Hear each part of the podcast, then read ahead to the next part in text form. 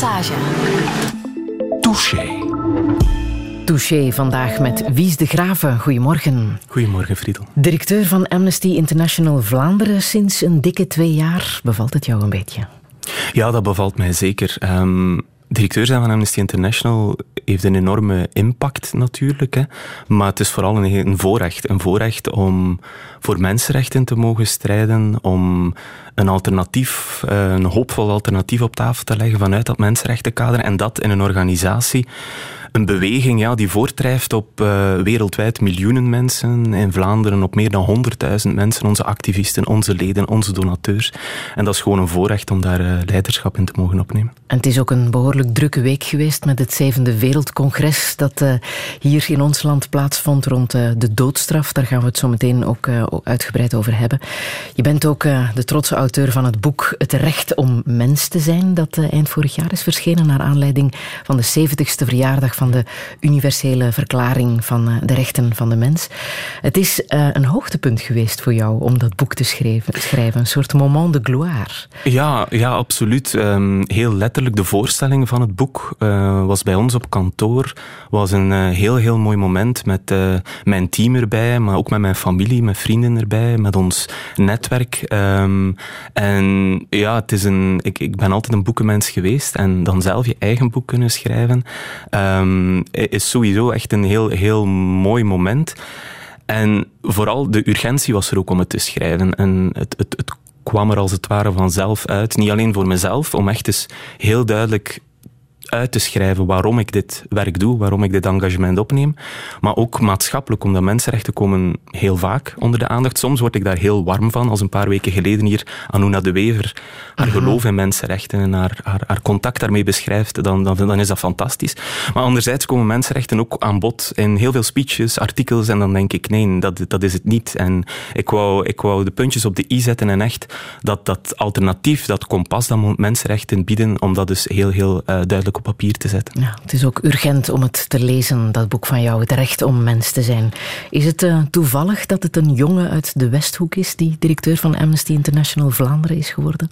Ja, dat, um, goh, ik denk dat het eerder toevallig is. Uh, maar anderzijds natuurlijk die Westhoek met zijn oorlogsverleden. Um, je merkt dat, dat heel veel mensen die daar geboren zijn, dat die dat toch meenemen. Dat, die daar, dat dat een soort fundament is die in hen zit. Altijd wel een reflectie. Het slechtste wat de mens kan doen, is daar een, alle, ja, een dagdagelijkse realiteit eigenlijk. Weliswaar een heel stille realiteit in de, in de kerkhoven, in de monumenten.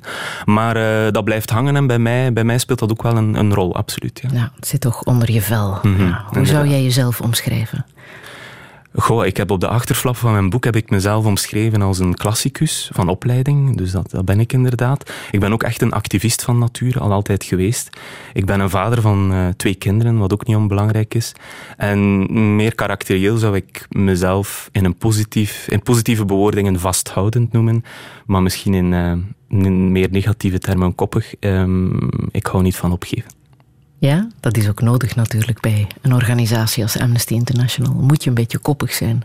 Ja, misschien wel, ja. ja uh, uh.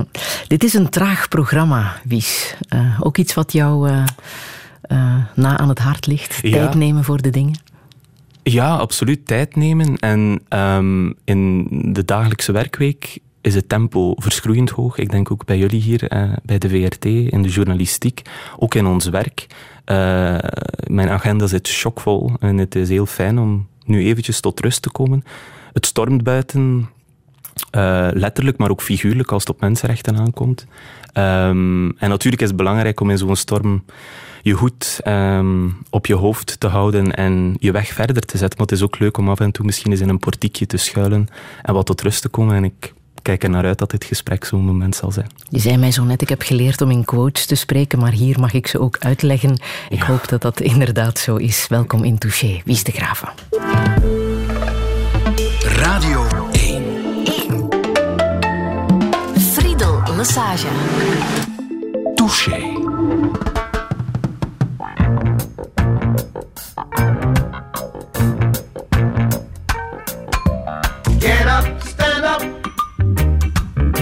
stand up for your right. Get up, stand up. Stand up for your right. Get up, stand up. Stand up for your right. Get up, stand up. Don't give up the fight. Preacher man, don't tell me heaven is on.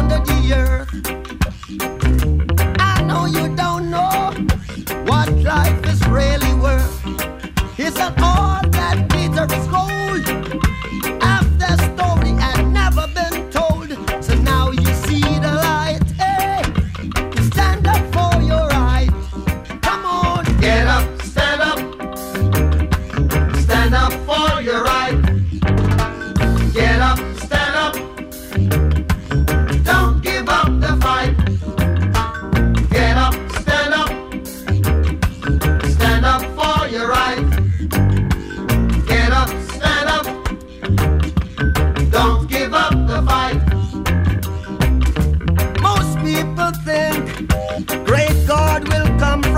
sky, take away everything, and make everybody feel high.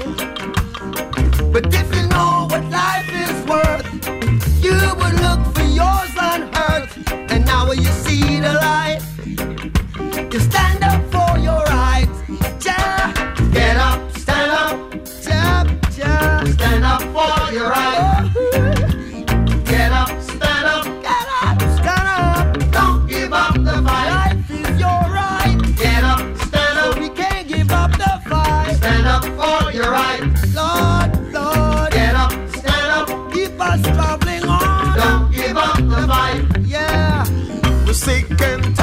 Your ism, schism, game, dine and go to heaven in Jesus' name, Lord.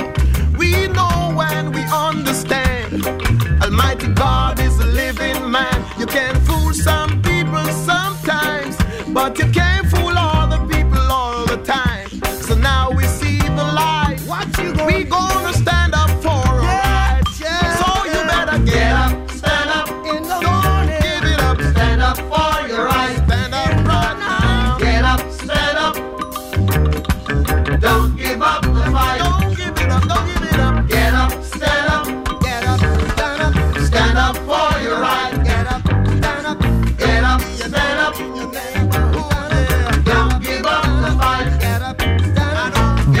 Met Get Up, Stand Up. Een nummer dat ook gezongen werd tijdens Conspiracy of Hope. De benefietconcerten van Amnesty International in de jaren 80 en 90. Maar toen was jij nog een beetje te jong, eh Wies de Graven. Je hebt het nummer wel op een andere manier heel indrukwekkend horen zingen. Hè? Eh, Ja, dat klopt. Eh, mm, Dus de, in december vorig jaar was de Universele Verklaring van de Rechten van de Mens. eh, 70 jaar is in 48 goedgekeurd. En dat was door de Verenigde Naties, namen die verklaring aan. Maar dat was niet in New York zoals nu, dat was in Parijs, in het Palais de Chaillot. En dat is ja, bij de Place Trocadéro, echt hartje Parijs, onder de Eiffeltoren. En eh, ik was daar eh, eind vorig jaar op een, ja, een conferentie van mensenrechtenverdedigers. En eh, bij het slot van die conferentie was er muziek en dit nummer werd daar live gespeeld. En ja, je had daar een zaal die, die, ja, die historische zaal waar, dat, waar die verklaring ondertekend is. En dan had je een zaal vol met mensenrechtenverdedigers uit meer dan 100 landen die ja, hun leven op het spel zetten om hun eigen rechten, maar ook de rechten van, van, van hun, hun samenleving, eh, van hun familie, van, hun, van de mensen waarmee ze samenleven, om die te verdedigen. Ze zetten echt ja, hun leven op het spel en die veerden allemaal recht op dat nummer. En dat was een heel, een heel sterk moment dat ik niet snel zal vergeten. Ja, je zegt het, hè, de mensenrechten zijn eh, tot stand gekomen, of die universele verklaring is tot stand gekomen in 1948, in de nadagen van de Tweede Wereldoorlog. Een eh, niet bindende verklaring ehm, waar eh, politici, diplomaten en denkers eh, voor eh, samen hebben gezeten. Een grote voorvechter was eh, de presidentsvrouw Eleanor Roosevelt. Maar ook eh, Stefan Hessel heeft daar aan meegewerkt. Hè. De Duits-Franse diplomaat die we nog kennen van Indigné Voeg, dat indrukwekkende boekje dat hij schreef op het einde van zijn leven. Toen was hij al de negentig voorbij. Ja, hij was daarbij bij eh, het schrijven van de Ja. verklaring en hij kon ook spreken uit ervaring. Ja, dat klopt. Hè, want Hessel had eh, in de Tweede Wereldoorlog in concentratiekampen gez- gezeten, onder andere van, eh, van, van Buchenwald. Dus hij kwam uit die heel, heel donkere bladzijden uit de wereldgeschiedenis, waar ja, het ergste van de mens op een industriële manier naar boven komt. En de- in die figuur zie je iets heel belangrijks, namelijk dat die universele verklaring van de rechten van de mens allerminst iets van een groepje... geitenwolle sokken dragende uh, mensen was die ver van de realiteit stonden. Nee, dat waren echt mensen die uit die periode kwamen en die het uh, enorm belangrijk vonden om een nieuw moreel kompas op papier te zetten, dat dat nooit meer kon gebeuren en dat er een toekomst kwam met meer ja, rechtvaardigheid, met, met eerlijkheid en, en met gerechtigheid. En uh, ja, dat, dat, voor, voor mij staat die tekst en dat kompas, en ook Hessel zei dat op het einde van zijn leven, die staat nog altijd als een huis. Elk, die, die, die tekst dus die verklaringen met 30 artikels, die, als je dat nu af en toe moet je dat eens herlezen. Ik doe dat ook bijna iedere maand. En dat is onwaarschijnlijk hoe vooruitstrevend die tekst eigenlijk is. Stel je voor, er was toen nog slavernij in de VS, maar daar wordt zwart op wit gezegd uh, dat de slavernij ja, dat dat een, een uh, absoluut not done is, rond foltering hetzelfde enzovoort. Dus voor mij is dat een heel, heel krachtig basisdocument. En inderdaad, Verder weg uit die verklaring is dan een hele juridische architectuur gebouwd, hè, met, met allerlei verdragen en uh, uh, zelfs een internationaal gerechtshof enzovoort. En die, dat juridisch kader is enorm belangrijk om mensenrechten vast te klikken en altijd een stap vooruit te zetten. Maar wat ik in mijn boek ook vooral wou doen, is die, die morele, dat moreel uitgangspunt nog eens echt expliciteren, nog eens heel duidelijk op tafel leggen, omdat ik denk dat dat het, het daar aan ons wat ontbreekt vandaag. En dat dat zorgt dat we in discussies over actuele, zeer moeilijke onderwerpen dreigen het noorden te verliezen. En dus die, die, die morele uitgangspunten opnieuw eens heel, heel, heel duidelijk stellen, dat denk ik is enorm belangrijk. wat maakt een leven menswaardig? Wat zijn de absolute noden voor elke mens? Ja, dat is natuurlijk, daar zijn boekenkasten vol over geschreven, maar ik vat het meestal samen bij ja, de basisnoden van een mens in vier begrippen. Dat is uh, welzijn, namelijk ja, een dak boven je hoofd hebben, genoeg te eten hebben. Uh, dus welzijn, dat is veiligheid, niet voor je leven uh, te vrezen hebben. Dat is vrijheid, kunnen doen en denken wat je wil. En last but not least is dat ook identiteit, kunnen zijn wie je bent. En in die vier elementen uh, zit volgens mij de menswaardigheid van de mens. En als je naar die dertig artikels van de universele verklaring gaat kijken, kun je eigenlijk zien dat elk van die artikels een concrete vertaling is van die basisnoden van de mens. En dat maakt voor mij mensenrechten een onverwoestbaar kompas. 194 mhm. landen hebben toen die verklaring getekend. Toch zijn er een aantal landen die niet hebben getekend. Hè? Onder andere uh, de Sovjet-Unie, Saoedi-Arabië, Zuid-Afrika. Welke redenen of welke argumenten hadden zij om niet te tekenen? Maar ja, toen, en toen de toenmalige Verenigde Naties in 48, daar waren toen nog geen 194 landen. Een groot deel van de wereld was ook nog gekoloniseerd en was nog geen uh, onafhankelijk land. Vandaag is het wel zo dat elk lid van de Verenigde Naties, dus die 194 landen, de verklaring aangenomen hadden. Maar toen inderdaad was er, uh, waren er wel veelzeggende onthoudingen vanuit Saoedi-Arabië, uh, omwille van overtuigingen van dat dat niet met, met de religieuze achtergrond te combineren was. Uit Zuid-Afrika, uit een soort van protectie en bescherming van het apartheidssysteem. Dus daar waren allerlei dynamieken die nog speelden, maar toch een overgrote meerderheid koos wel voor die weg vooruit. En we hebben in de voorbije 70 jaar gezien dat dat ook stap voor stap gelukt is. Zoals je zei, inderdaad, nu, je kunt geen lid zijn van de Verenigde Naties als je de verklaring niet aanvaardt. Uh, bepaalde van die uh, juridisch bindende verdragen zijn quasi-universeel aanvaard. Ik denk voor het kinderrechtenverdrag, wat ook uit, dat, uit die universele verklaring voortkwam.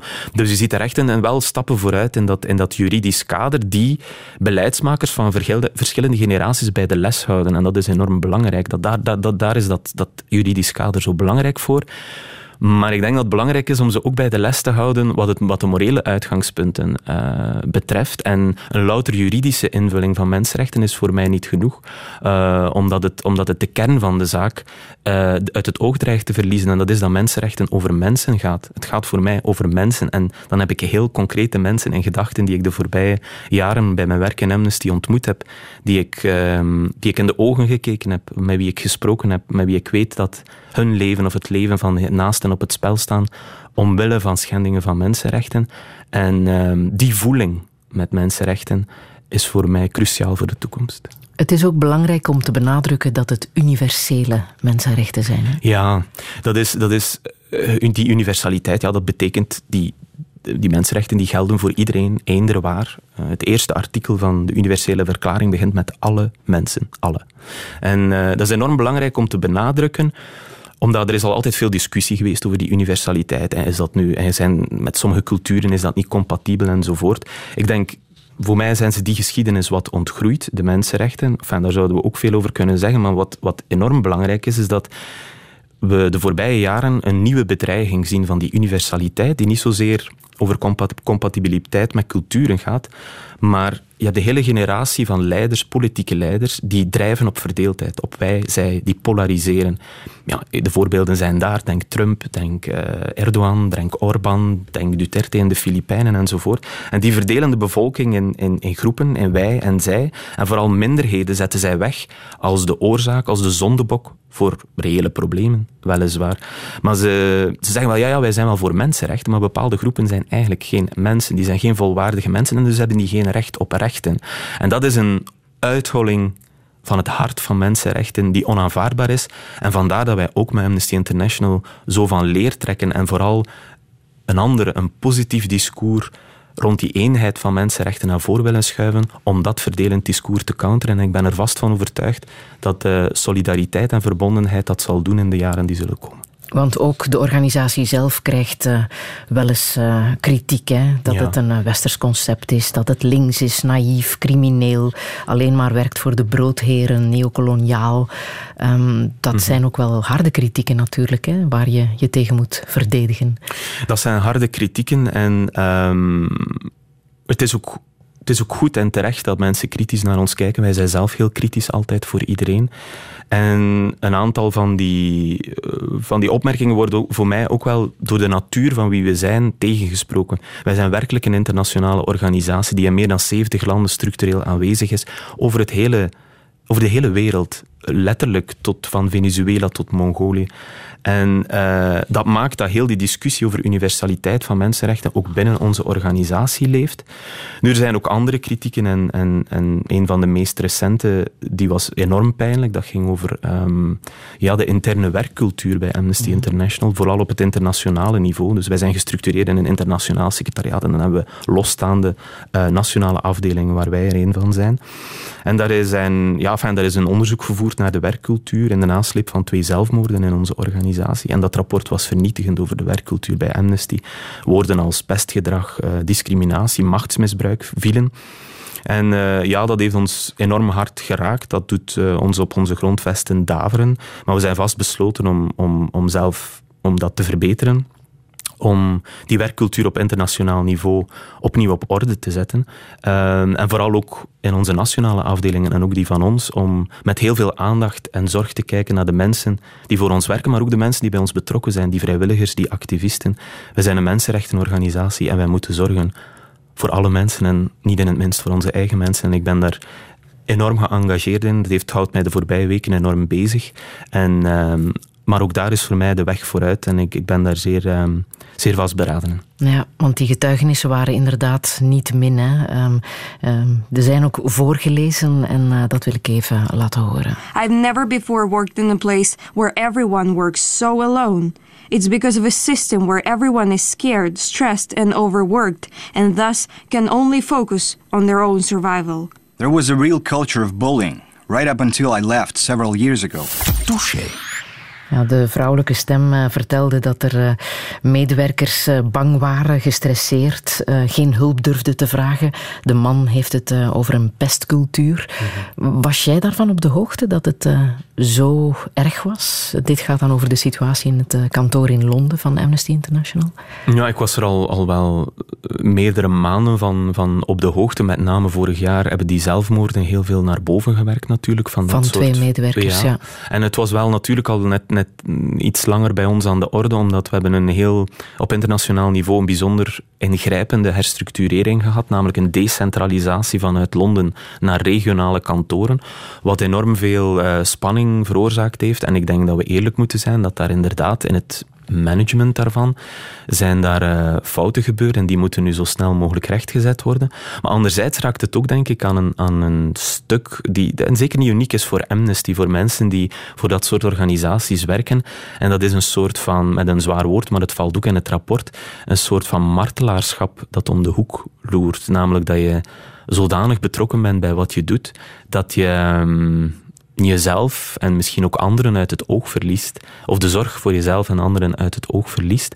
En dat is natuurlijk bijzonder gevaarlijk en onaanvaardbaar. Dus dat is wel een, iets waar we denk ik ons heel hard bewust van moeten zijn. En zorg voor onszelf en voor elkaar um, absoluut niet uit het oog mogen verliezen. Want zo'n cultuur, denk ik, vrees ik, kan leiden tot de situaties die nu aan het licht komen. Het is heel goed dat ze aan het licht komen. En nog eens, um, samen met mijn collega-directeurs en ook met onze nieuwe secretaris-generaal, die ik vorige week nog vrij lang gesproken heb, um, zijn we enorm vastberaden om dit op orde te zetten en uh, veel beter te doen en ons mensenrechtenwerk uh, verder te zetten, maar ook met een gezonde, gezonde bedrijfscultuur.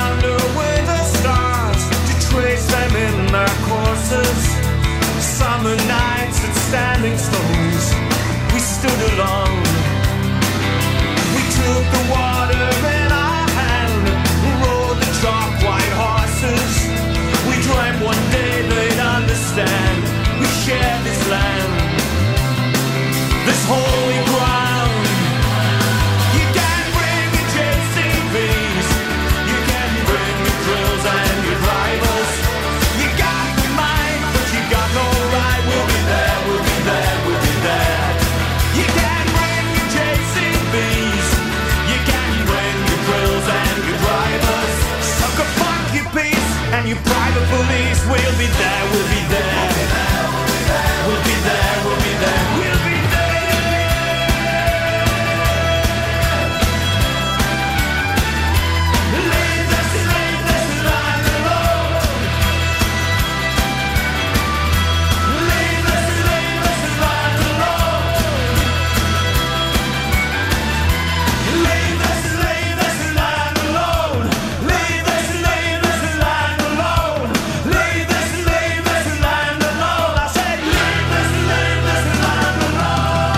De Oyster Band met eh, Will Be There, Britse folkrock uit de jaren 90. Wie is de Graven? Heb jij dit eh, hard meegezongen destijds? Heel hard. Heel hard. Je Enerzijds bent een grote fan. Eh, ja, ja, ja, ja. En om twee redenen eigenlijk. Eén, de jaren negentig waren voor mij in elk geval een beetje het decennium van de folkrock.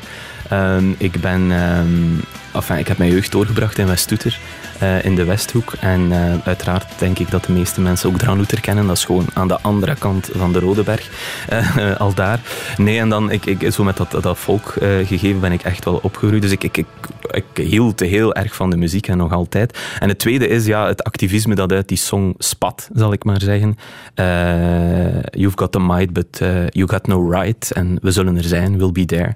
En dat is iets wat ik heel hard herken, al, al, al, ja, ook al vele jaren lang. Ik ben, ik ben echt een activist. Ik was vroeger, eh, vooral dan, want dit nummer gaat ook eerder, zit meer in de milieucontext, bescherming van natuurgebied enzovoort. En dat, eh, dat war, daar was ik toen ook heel hard mee bezig. En ik stond eh, letterlijk ook op de barricaden. Ja, want dat ik las in jouw boek Het Recht om Mens te zijn dat jouw moeder in de traphal een spreuk had opgehangen. Kijk, ik maak heel de wereld nieuw, maar ik maak niet eens mijn bed op. Ja. Het was zo erg. Nee, nee, nee, nee, nee, absoluut niet. Absoluut. Maar het is een, ik denk het is, een, het is een wijze les natuurlijk. Dat je, je hoeft natuurlijk niet perfect te zijn om, om of om op te komen tegen onrecht. Hè. Dat is natuurlijk een dooddoener, dat je een soort van heilige moet zijn voordat je zelf uh, anderen kunt aanspreken op hun gedrag. Maar ik denk dat je altijd moet kritisch zijn over jezelf. Maar langs de andere kant, ja, dat engagement, dat, dat activisme is bij ons, ja, dat hing bij ons in de muren. Uh, door mijn opvoeding, maar ook met mijn, mijn, mijn, broer en zus. Dat op een bepaald moment herinner ik mij dat we, dat we alle drie samen opgepakt waren en in de cel zaten. En dat, uh, Echt? Ja, en dat, dat, de, dat de betrokken politieagent belde naar mijn moeder en zei van, uh, excuseer, hier zitten drie van uw kinderen uh, vast.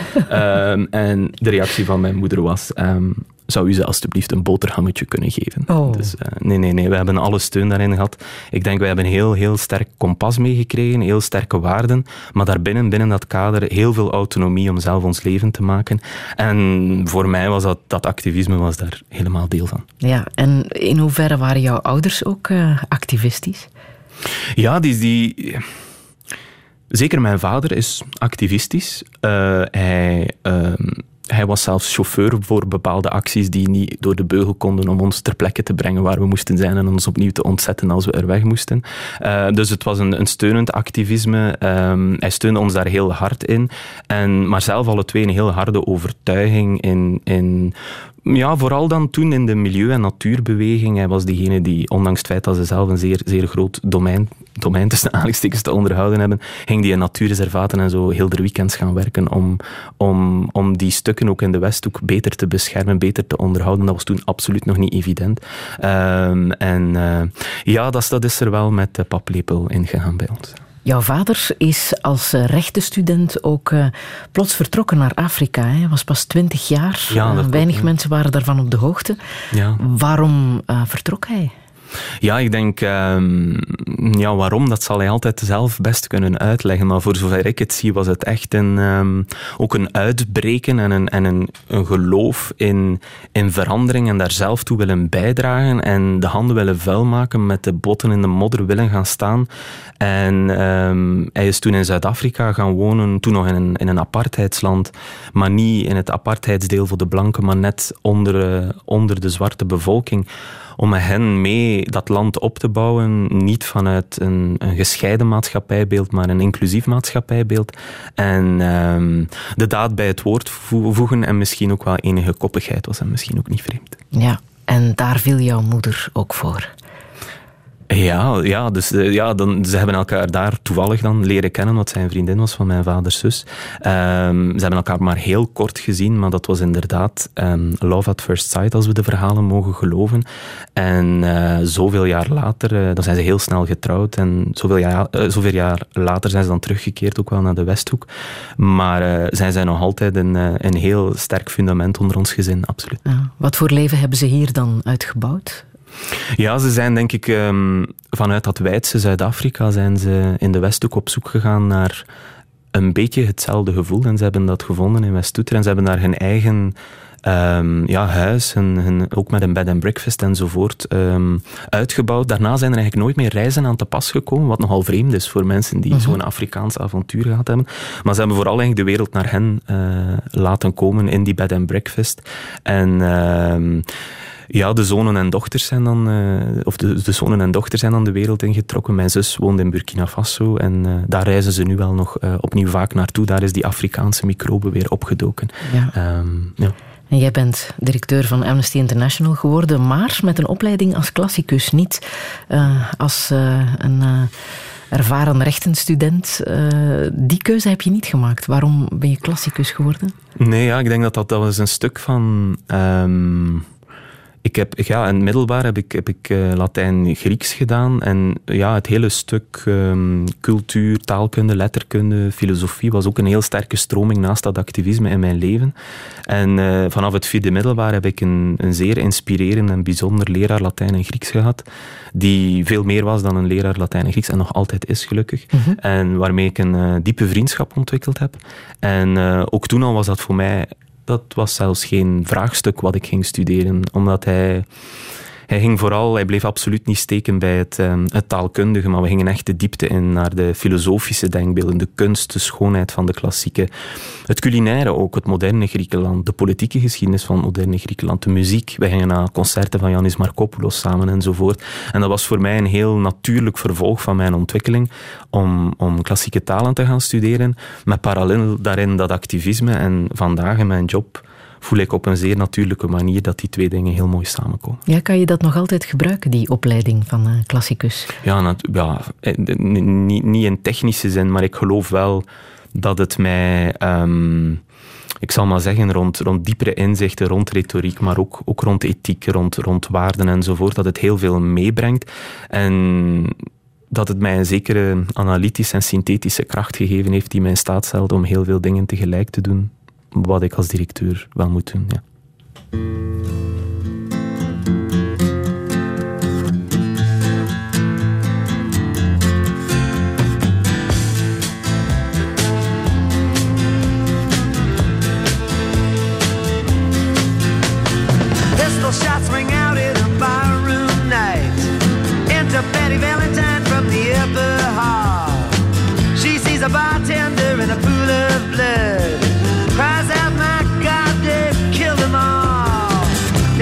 Story of the hurricane.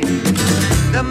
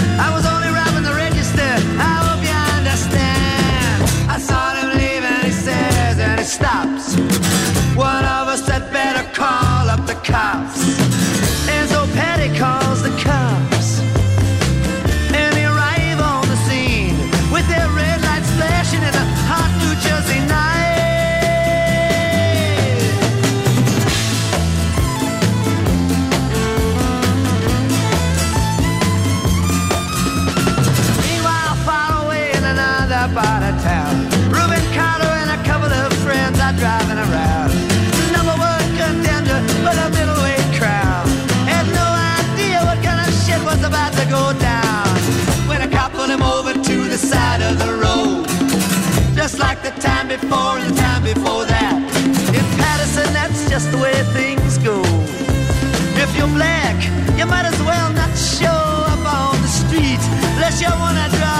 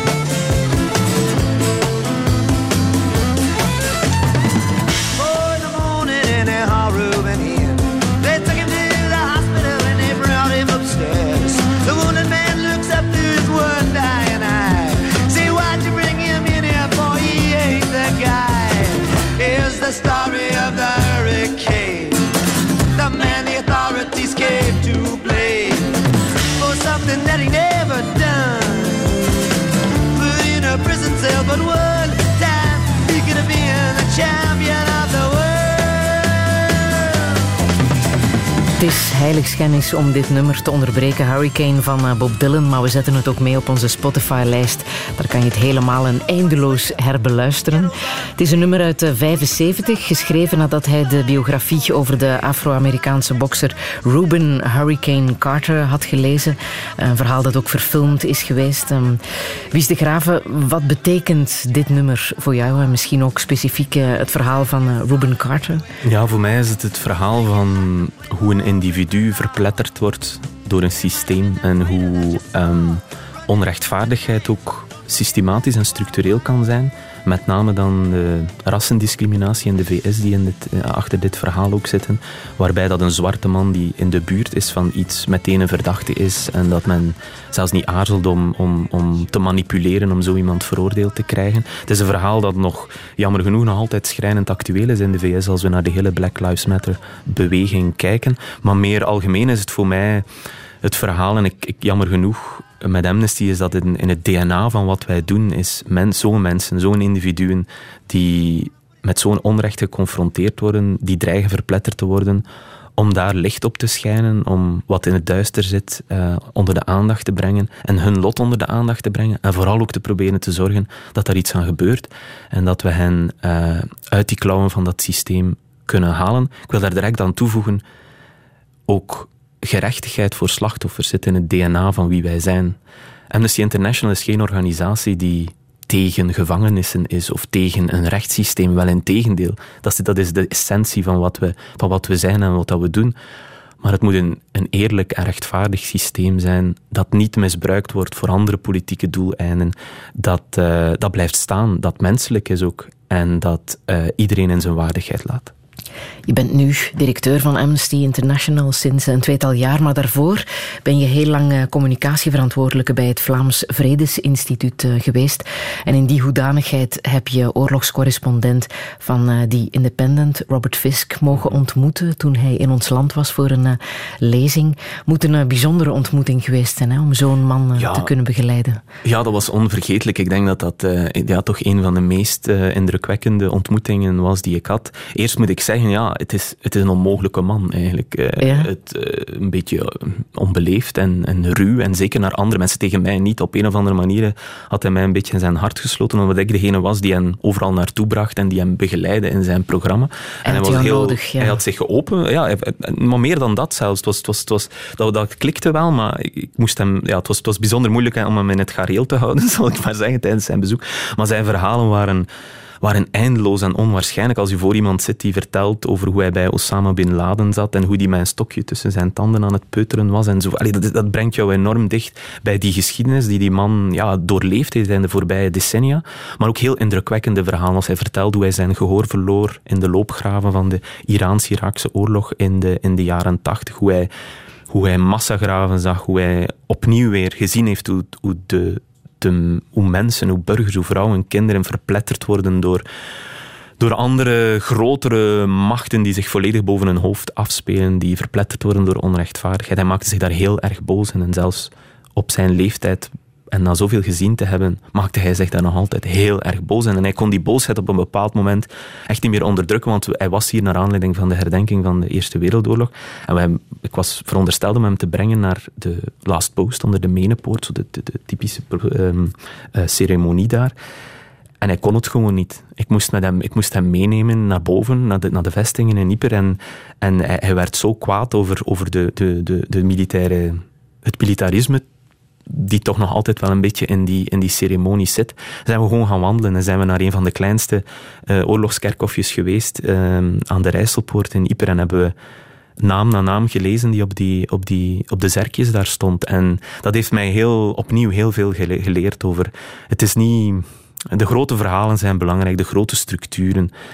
Maar uiteindelijk gaat het over, over mensen en, en, en oorlog en vrede en mensenrechten. Dat gaat over mensen. En over die jongens die daar liggen, dat gaat ook over al die verhalen van Robert Fisk. Ja, maar begrijp je zijn, zijn boosheid, zijn, uh, zijn cynisme?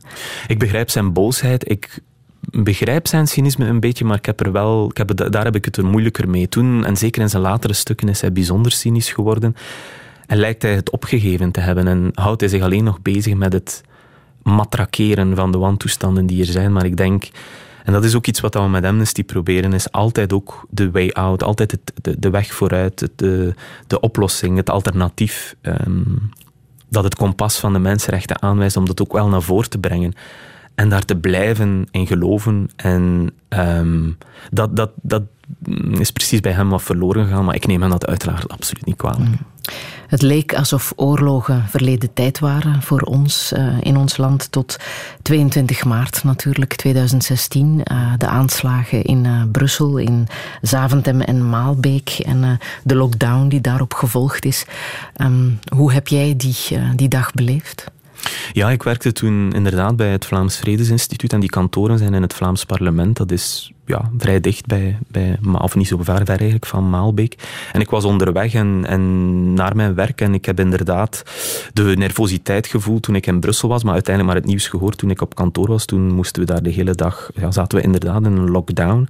Um, ja, dat heeft mij zoals iedereen en heel ons land enorm doorheen geschud, maar ergens ben ik ook als een soort copingmechanisme zie je zo'n dingen misschien dan altijd ook iets dat niet helemaal iets met jou te maken heeft. En voor de dagen erop was Brussel eigenlijk in lockdown, maar ben ik toch in Brussel gaan werken. Er was eigenlijk niemand. Dat was, ik zal nooit de sfeer en de straten vergeten. Dat was alsof dat de wereld definitief verloren was. En um, dat heeft wel een grote indruk op mij gemaakt. En dat is iets wat ik ook nog altijd meeneem. En bijvoorbeeld uh, nog deze week is... Uh, dat komt ook terug in ons werk natuurlijk van Amnesty. Nog deze week hebben wij heel hard aangedrongen op een veel beter systeem van de ondersteuning van de slachtoffers van die aanslagen. Want het is mhm. werkelijk hallucinant in welk administratief doolhof die mensen beland zijn. En ook dat zijn mensenrechten. De rechten van slachtoffers van, van terreuraanslagen. En ook voor ons was dat een wake-up call, dat we blijkbaar in ons land niet de nodige structuren hadden om mensen die in zo'n massaal geweld uh, ja, mensen verliezen of, of, of, of, of, of uh, zelf gewond raken of, of psychisch uh, geraakt raken, om die deftig te ondersteunen. We hoe, schrijnend, ja, hoe schrijnend is het dan, het lot van de slachtoffers? Ja, die geraken in financiële problemen, die, die medische kosten geraken, maar moeilijk vergoed. Ze moeten bij vijf, zes verschillende instanties zijn om dan toch enige vergoeding samen te rapen. Dat duurt allemaal heel. Erg lang. Ze liggen in de clinch met verzekeringen, private verzekeringen, die natuurlijk niet in eerste instantie de zorg voor de slachtoffers in het achterhoofd hebben, maar een bepaalde verzekeringslogica in het mhm. achterhoofd hebben. En dat, dat, dat veroorzaakt alleen maar meer, uh, meer kommer en kwel voor die mensen. En dus naast gerechtigheid in de vorm van ons focussen op de daders en op diegenen uh, die die misdaden gepleegd hebben, wat cruciaal is, is het ook belangrijk om zorg voor de slachtoffers aan de dag te leggen. 22 maart heeft ons, denk ik, veel en velen persoonlijk, maar ook ons land, uh, ja, uh, doorheen geschud. Ik denk, in het, het heeft ook volledig het antiterreurbeleid uh, enorm naar boven gebracht in, in onze samenleving, in andere Europese landen ook. En daar blijft het een constant punt om aan te tonen dat je, je hoeft geen mensenrechten in te perken om een veiliger samenleving te hebben. Uh, mensenrechten kunnen net helpen om onze samenleving veiliger te maken. En er lijkt een soort overtuiging geslopen te zijn in sommige beleidsmakers dat je rechten moet inperken rond privacy, rond vrijheid van meningsuiting, om tot veiligheid te komen. Maar dat is alles behalve het geval. Ja, want daar zit al een beetje een dubbele discussie. Hè? Je kan uh, discussiëren over het onderscheid tussen het aanzetten tot en het uh, verheerlijken van, van terreur. Voor jullie is daar een duidelijk verschil. Hè? Er blijft nog altijd een ja, vrije meningsuiting, ja, zelfs als het over terreur gaat. Vrije meningsuiting is cruciaal. Cruciaal voor de mensenrechten, cruciaal voor, voor Amnesty ook. We zien wereldwijd wat het wat inperken van vrijheid van meningsuiting uh, kan doen. Natuurlijk is dat geen absoluut recht. Ook uh, niemand zegt dat. Uh, de vrije meningsuiting kan ingeperkt worden als het ja, over haat, oproepen tot haat, oproep tot geweld gaat. Maar dat moet heel duidelijk afgebakend worden en niet te veel grijze zones, anders dreigt dat ehm, het recht op vrijheid van meningsuiting uit te hollen. En voor ons moet er inderdaad, als het dan over terreur gaat, een duidelijke link zijn tussen wat gezegd wordt en, en effectieve terreurdaden. En natuurlijk is het compleet onwenselijk dat er andere ongepaste uitspraken over terreur gedaan worden. Maar dat moet je niet strafrechtelijk aanpakken. Dat moet je op een educatieve manier, op een maatschappelijke manier uh, aanpakken. Het strafrechtelijke heeft daar in die zin geen plaats, omdat het ook onze toekomstige samenleving vormgeeft. En je ziet al als je een land als Saoedi-Arabië neemt om een ander extreem te nemen, daar worden antiterreurwetten massaal misbruikt om bijvoorbeeld vrouwenrechtenactivisten in de cel te steken, te folteren en zelfs de doodstraf op te leggen. En dat is natuurlijk het hele andere extreem van het, van het spectrum. Maar dat toont aan dat we die vrijheid van meningsuiting moeten koesteren, dat we een zeer duidelijk veiligheidsbeleid moeten hebben, maar dat je dat veiligheidsbeleid kunt voeren op veel verschillende manieren en dat mensenrechten ondergraven daar geen antwoord op is. Ja, recht op veiligheid, ineens was het ook in ons land heel erg uh, actueel. Um, een paar maanden daarvoor uh, had jij het ook heel erg uh, aangevoeld met de aanslagen in Burkina Faso. Toen dachten we nog ver van ons bed, maar niet voor jou hè? Ja, nee, mijn, mijn, mijn, zoals ik zei, mijn, mijn zus um, die, die woont in, in Ouagadougou al een, een, zestal jaar. En mijn ouders waren er toen op, um, enfin, op bezoek uh, in, in Ouagadougou. Dus dat is een moment ja, waarop ook die toen, wat waren enorm grote aanslagen op een, op een tea room in de stad en op een hotel. Mm -hmm. uh, er zijn heel wat mensen omgekomen, waaronder ook een, een, een, een, koppel, een Frans koppel als ik mij niet vergis. En mijn ouders hadden hen net de avond ervoor nog ontmoet op de ambassade in, in, in, in Burkina. En ja, dat zijn momenten dat je elkaar niet kunt bereiken, dat, dat je voelt hoe die, hoe die spanning en die gruwel zich afspeelt en dan, dan komt het heel dichtbij. En of het nu in Ouagadougou is, of het nu in Afghanistan is, of het nu in Brussel is. Het, komt, het is een realiteit, het is opnieuw die impact op mensen, op burgers, op vrouwen, op kinderen. En dat moet ons blijven raken en daar moeten we, ja, moeten ons blijven zorgen over maken en met, met heel veel bezorgdheid naar kijken.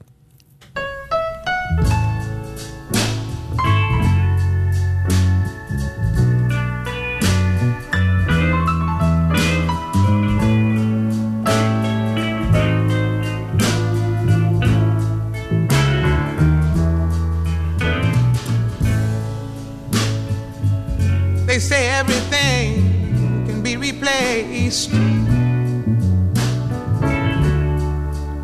They say every distance is not near.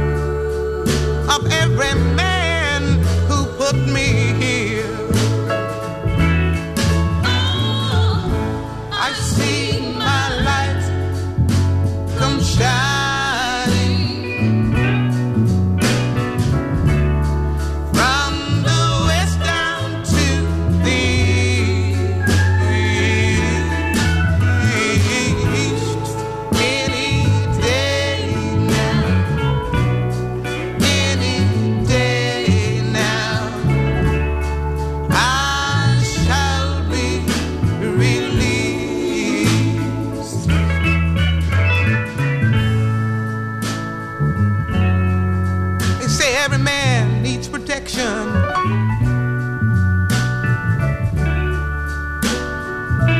They say every man must fall.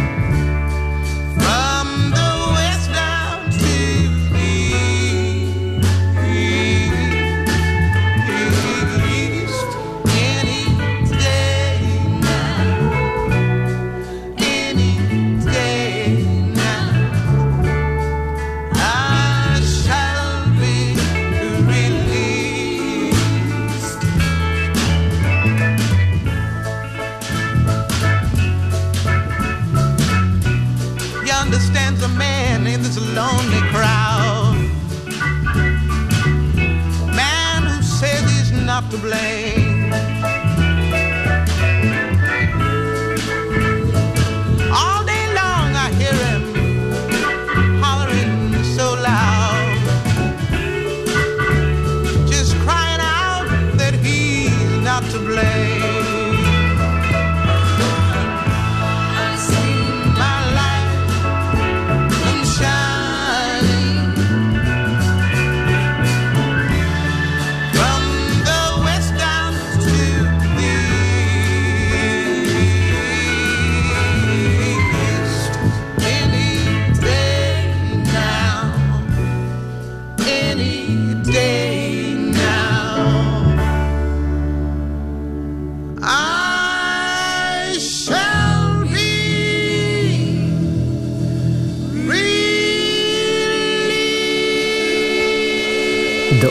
De onnavolgbare Nina Simone met I Shall Be Released. Wie is de Graven een betekenisvol nummer voor jou?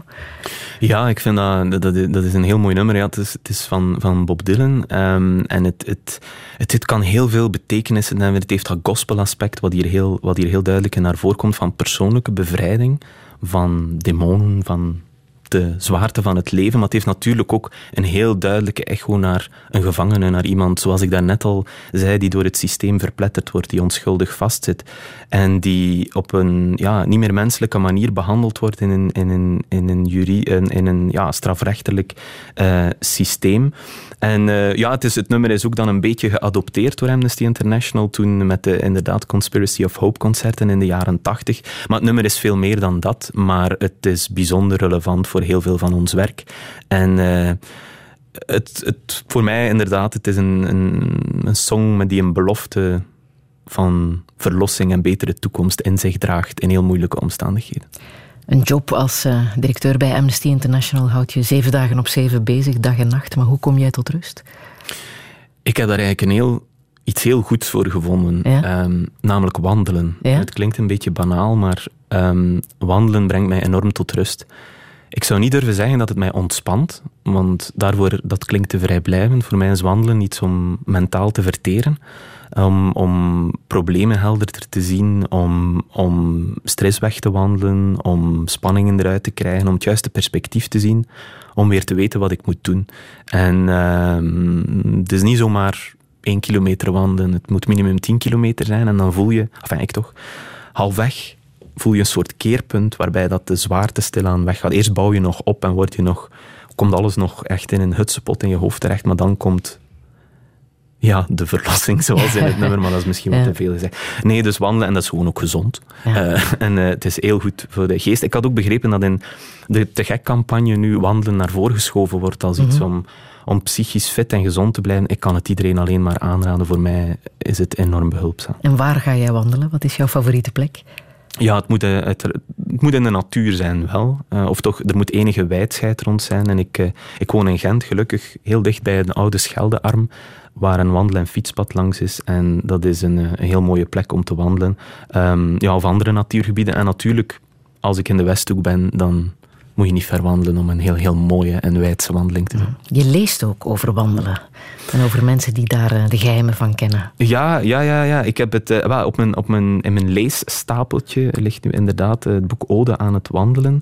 En um, ik heb daar een, een, een zeer interessant interview van de vertaler over gelezen met heel mooie quotes. En ik kijk er heel erg naar uit om dat boek te lezen, omdat het uh, mij zal sterken in mijn overtuiging dat wandelen mijn verlossing zal brengen. Het gaat over het boek van David Le Breton, mm -hmm.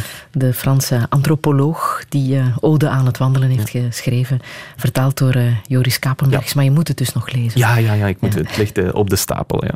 Ben jij ook gewandeld naar het Pantheon in Rome? Uh, ja, ja, absoluut. Rome, Rome. Niet van hieruit alleen. nee, nee, nee, nee, nee. Toen nee, je dat, daar was. Nee, dat toch niet. Wat um, heb je met dat, met dat gebouw? Dus ik wandel, ik vind wandelen in een stad is uiteraard ook fantastisch. Bij dag of bij nacht, dat maakt niet uit. Ik vind Rome is voor mij van alle steden die ik al gezien heb. De, de wereldstad heeft natuurlijk ook iets met mijn opleiding te maken. Maar het Pantheon heeft mij bijzonder geraakt. Omdat het is zo bot langs de buitenkant. Het is echt lomp als je het van buiten ziet. Maar van binnen overvalt mij daar een enorme rust. En heeft het een, voor mij een extreme vorm van perfectie. En al zijn eenvoud daarbinnen, die koepel met dat gat. En uh, ik vind het een fantastische plek. -hmm. Wat betekent dat gat in die koepel voor jou? Is dat het oog naar de hemel, de hoop? Uh, het regent er door binnen natuurlijk. um, het is misschien deel van die. Het is natuurlijk, het is een nood, dat gat is noodzakelijk om die constructie in, in, in stand te houden. Het is misschien de noodzakelijke imperfectie dan, maar het is voor mij ook een blik, een open blik naar de wereld, naar de mensen rond je. Niet alleen naar jezelf kijken is voor mij essentieel in, in wat ik doe, maar ook in mijn persoonlijk leven. En misschien is het een mooi symbool daarvan. Ja, Pantheon is uh, gewijd aan de goden, hè? Heeft ja. God enige betekenis in jouw leven? Hmm, nee, niet echt eigenlijk. Ik ben cultureel katholiek opgevoed, zal ik maar zeggen, in een katholiek college enzovoort. Dus ik ken de geplogenheden. Toen daarnet de Eucharistie op de radio was, kan ik bepaalde zinnen mooi meezeggen. Maar dat wil niet zeggen dat het spirituele of het hogere mij niet bezighoudt, maar ik richt mij vooral op het leven zelf, tussen geboorte en dood. En daar zoeken naar een, een goedheid. Maar die vind ik vooral in de mens zelf. Ik geloof meer in de mens en de mensheid dan dat ik in een God geloof. Ik heb nog muziek uit de film Some Mother's Son uit 1996 van uh, regisseur Terry George over Bobby Sands, lid van de IRA, die in hongerstaking ging om het lot van de gevangenen aan te klagen. Um, je hebt die film gezien. Ja. Hoeveel betekenis heeft die voor jou?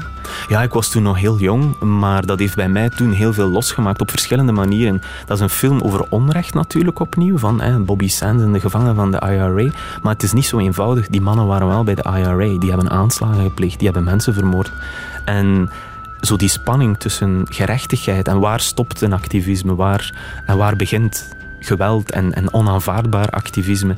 Maar evengoed, hoe kun je dan op een rechtvaardige manier bepaalde misdaden straffen? Ik vond dat een enorm complex verhaal dat me toen, en dat me echt is bijgebleven en dat me vandaag in mijn werk nog altijd wel bezighoudt. Um, en ja, Noord-Ierland ook, ik vind dat een enorm fascinerende geschiedenis ook, die gewelddadige geschiedenis. Die verzoening waar nu zo hard aan gewerkt wordt, ik ben er ook nog geweest.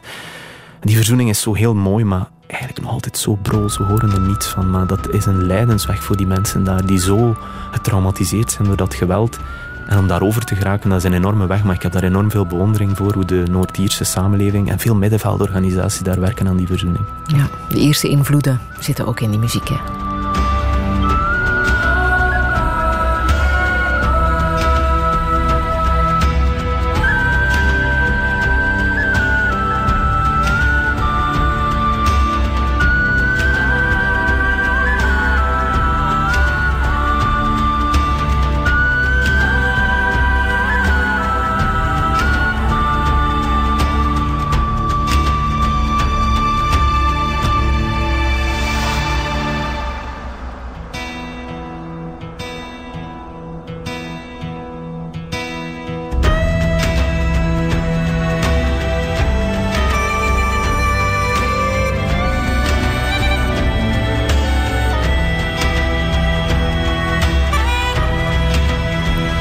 Muziek van Bill Whelan uit Some Mother's Son, de film over Bobby Sands.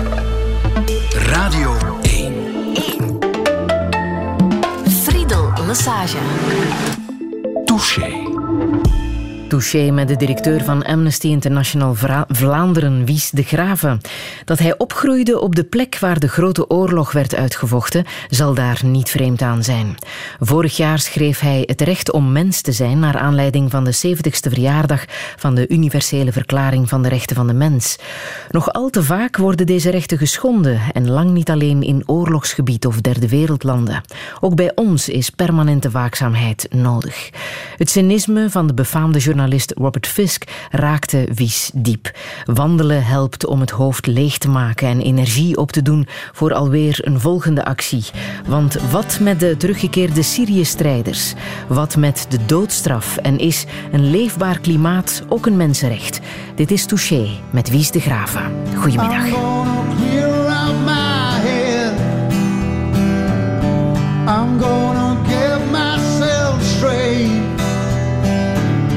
I know it's never too late to make a brand new start.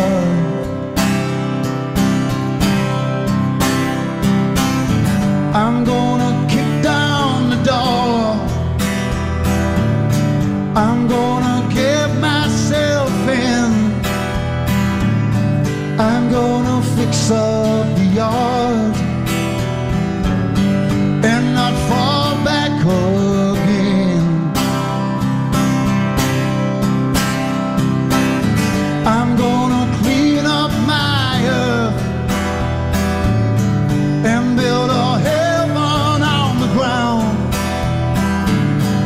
something distant and unfound, but something real to me but something real to me.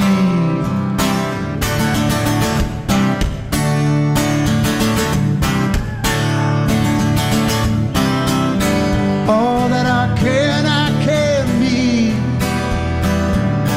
All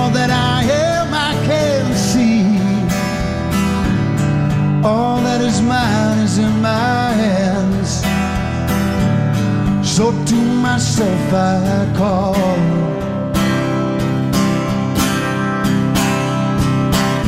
There's somewhere else I should be. There's someone else I can see. There's something more I can find. It's only up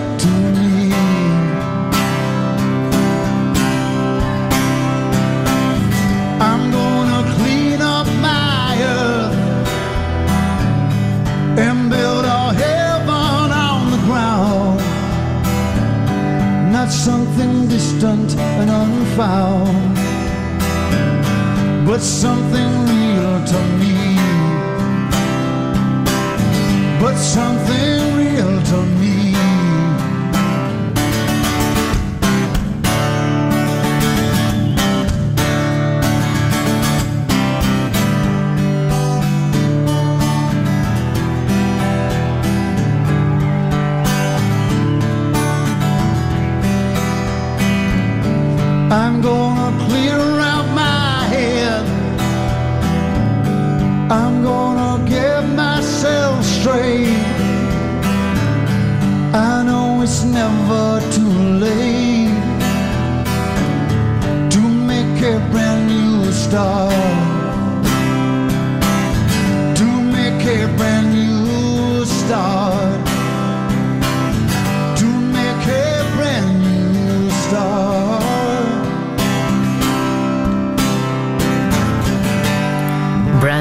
Start van eh, Paul Weller. Wie is de graven?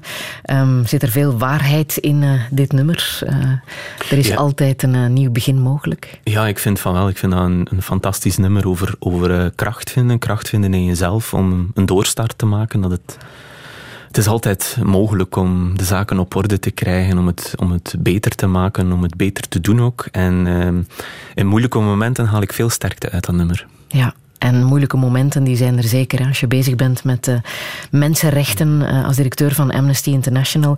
Maar als je luistert naar het nieuws, zoals eh, zo net, moet je zeggen, ja, bijna de helft gaat over mensenrechten. Het ging over ja, de spanning tussen Orbán en de EVP. Het ging over de vluchtelingen, de zoveelste etappe in, in dat verhaal. Ja, dat, dat, dat klopt. En, en wij hebben iedere week op maandag hebben wij een soort overleg in ons, eh, met ons team. En dan, eh, ja, we hebben natuurlijk plannen op langere termijn. Dan, dan proberen we ook te kijken naar de actualiteit, naar, naar wat er speelt.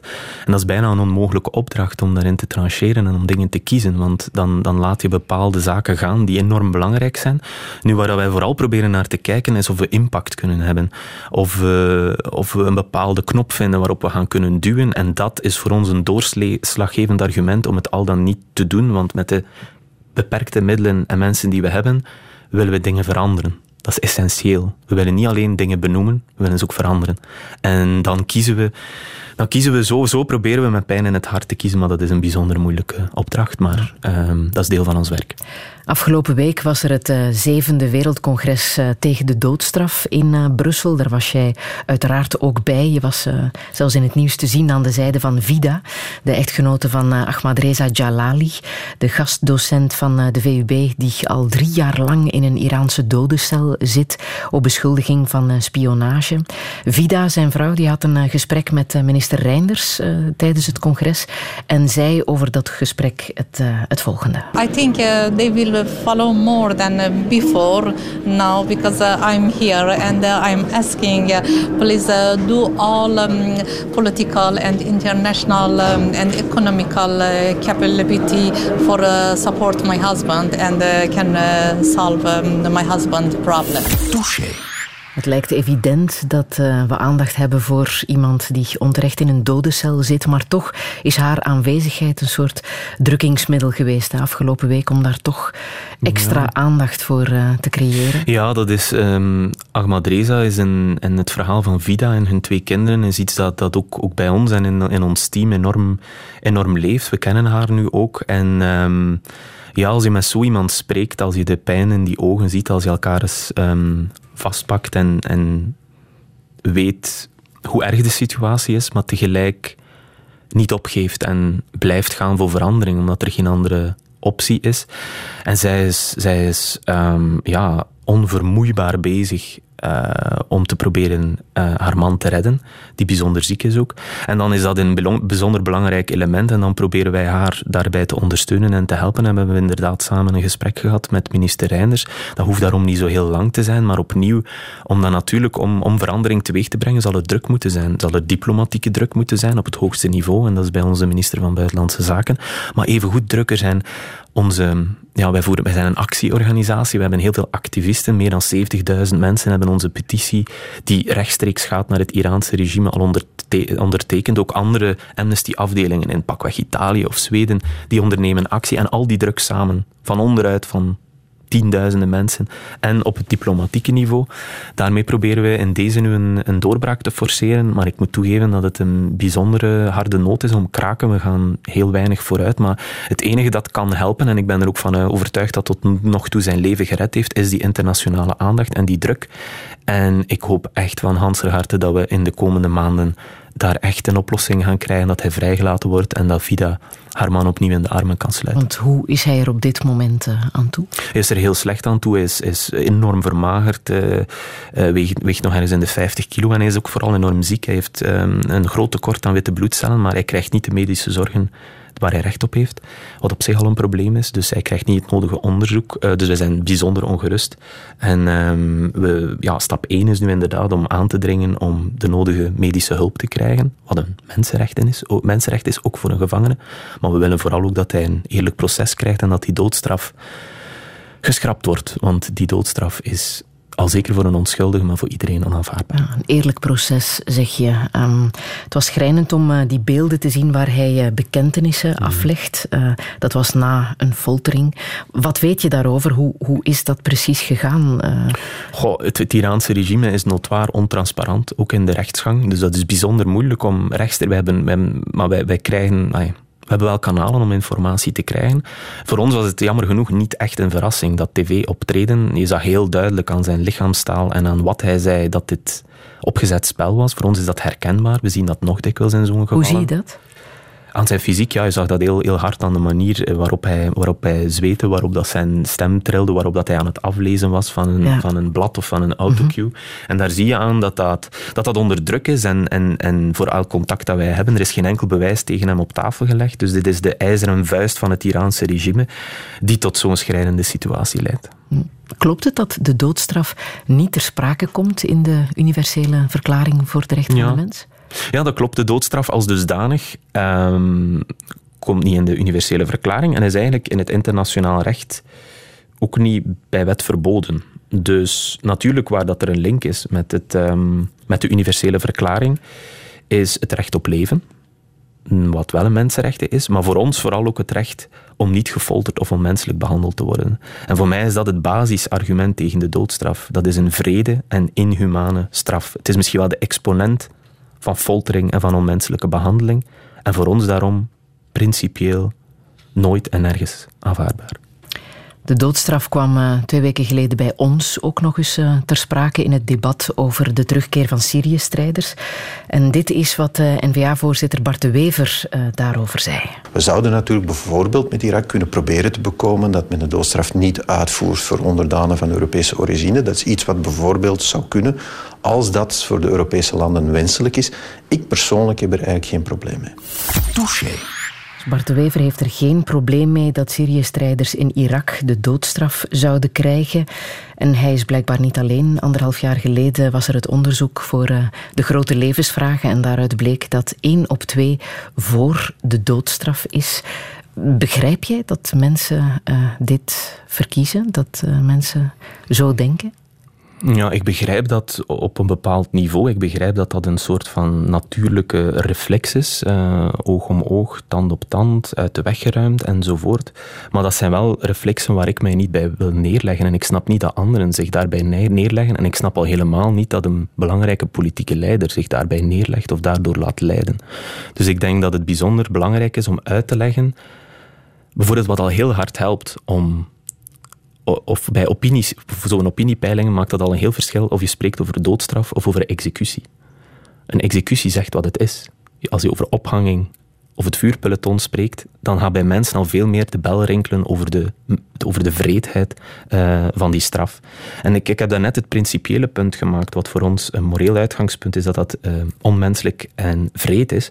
Maar er zijn nog een hele hoop andere argumenten dat het nuttig zou zijn in de strijd tegen misdaad, is in heel veel onderzoek uh, tegendeel uh, bewezen dat het uh, heel veel discrimina discriminatie in zich draagt, omdat bepaalde groepen er heel fel door geraakt worden, is een ander argument ertegen.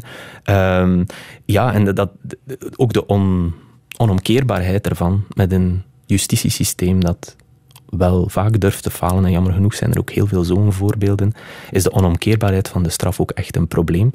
Dus ik denk op een moment uh, waarop het echt over mensenrechten gaat en de doodstraf inderdaad als een soort van ja, uh, symbool ook daarvan, jammer genoeg wel heel reëel, dat het net belangrijk is om die fundamentele waarden opnieuw te bevestigen en te onderstrepen en bij God ze niet in vraag te stellen. Dus ik vind dat enorm nefast dat die discussie ook op het politieke niveau die ruimte krijgt, dat die twijfel daarin sluipt.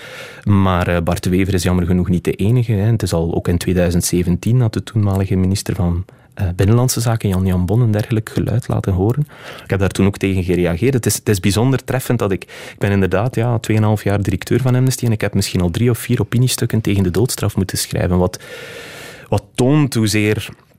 Uh, ja, mensenrechten nooit verworven zijn en bepaalde dingen waarvan dat we dachten dat uh, effectief in onze maatschappij ingebed waren, dat eigenlijk nooit helemaal zijn. Anderzijds is de doodstraf en de strijd tegen de doodstraf ook een van die verhalen waar waaruit blijkt dat vooruitgang mogelijk is. Amnesty campaignt al 40 jaar tegen de doodstraf. En ondertussen is de overgrote meerderheid van de landen voert de doodstraf niet meer uit. In de vorige stemming in de Verenigde Naties over een moratorium op de doodstraf waren er 163 landen die voorstemden en maar 53 tegen. Dus we zien dat echt shiften. Jaar na jaar komt er een land bij dat de doodstraf afschaft. Nu nog, laatst nog Burkina Faso. Je ziet bijvoorbeeld ook dat hè, Afrikaanse landen daar eigenlijk echt een, ook, ook, ook het voortouw in nemen. Dus dat is een heel mooi uh, mooi, mooi is nu veel gezegd, maar een heel betekenisvol thema waarin je ziet dat de wereld samenkomt rond mensenrechten en nadenkt over een gedeeld moreel kompas dat werkelijk in, uh, universeel is en dat werkelijk over heel de wereld gedragen wordt en waar dat je ook de cruciale rol ziet van middenveldorganisaties zoals de onze, maar ook andere organisaties die allemaal op dat congres waren, ook vorige week, door echt vasthoudend te zijn, door te blijven campaignen. Maar het is een, lang, lang, een werk van lange adem, maar wel niet te zwalpen met dat moreel kompas omwille van electorale of andere reden, maar met een overtuiging er eens voor te gaan dat je ook resultaat kan boeken. En uh, dat zullen we blijven doen en ik hoop dat ik in mijn leven nog mag meemaken dat de doodstraf over heel de wereld verband is, uh, de abolition, zoals ze dat noemen. Mm. Maar toch schrijven in je boek Het recht om mens te zijn dat uh, wereldwijd de nazistaat aan een uh, terugkeer is en dat je daaruit afleidt dat mensenrechten hebben gefaald. Ja, falen is een groot woord. Het is een. Het is een um, kijk, mensenrechten zijn um, van in het begin heel nauw verweven met wat men multilateralisme noemt. Landen die samenwerken over de landsgrenzen heen naar een gedeelde wereldgemeenschap. En de Verenigde Naties werden ook na die Tweede Wereldoorlog uh, opgericht. En wat je ziet is dat die, dat die structuren ja, dat die in, in hun voegen kraken. Dat uh, iets als de VN-veiligheidsraad enzovoort, dat dat nog moeilijk iets voor elkaar krijgt. En dat komt onder meer doordat nationale belangen ja, terug zijn van eigenlijk nooit weg geweest. Maar goed, en iemand als een Trump zie dat heel hard terugkomen. Hè. Hij noemt zichzelf de dealmaker. Die maakt alleen maar deals van land tot land. En, uh, dus mensenrechten zijn met dat multilateralisme enorm verbonden. En dus dat op zichzelf.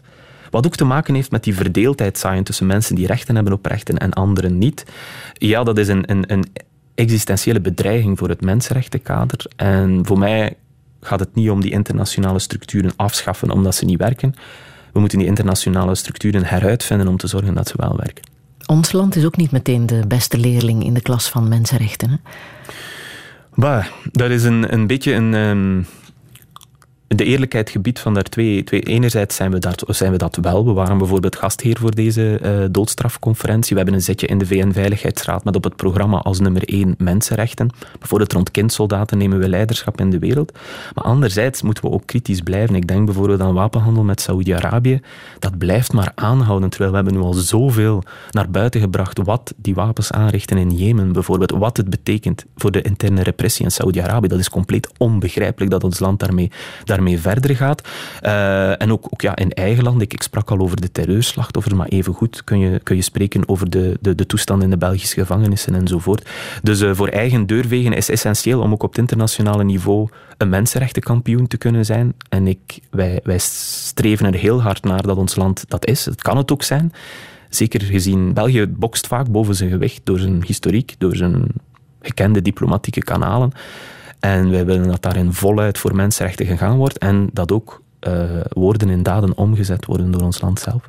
57 procent van uh, uh, mensen uh, die uit de gevangenis komen plegen opnieuw een strafbaar misdrijf. Dat is ontzettend veel. Hè? In Denemarken bijvoorbeeld is dat maar ja. 20 procent. In een land als België. Ja, dat is, dat is echt, als het over mensenrechten gaat, is, is het gevangeniswezen echt een, een, een schandvlek op ons palmares. En um, dat is een, echt een structureel probleem, zowel qua infrastructuur, maar eigenlijk ook qua nadenken en aanpak van dat gevangeniswezen, wat totaal niet gericht is op reïntegratie of, of uh, genoegdoening van de slachtoffers ook niet. Want wat, is er, wat, is, wat, wat, wat dient er meer de gerechtigheid dan dat een dader zijn misdaad niet meer kan plegen of niet meer zal plegen voor een slachtoffer. En daar wordt totaal niet naartoe gewerkt en dat is een falen van dat systeem. Terwijl er echt alternatieven op, op tafel liggen, zoals bijvoorbeeld in, in Denemarken. Veel kleinschaliger detentie in detentiehuizen, veel meer uh, een gerichte aanpak van een, veel meer een onderscheid en differentiatie in verschillende soorten misdrijven. En eigenlijk al die plannen liggen op tafel en als ik dan als, wij, als ik minister Geens ontmoet en we brengen dat ter sprake, eigenlijk ook op het politieke niveau en op, onder experten bestaat daar een algemene erkenning over. Worden keer op keer veroordeeld voor die toestand in de gevangenissen.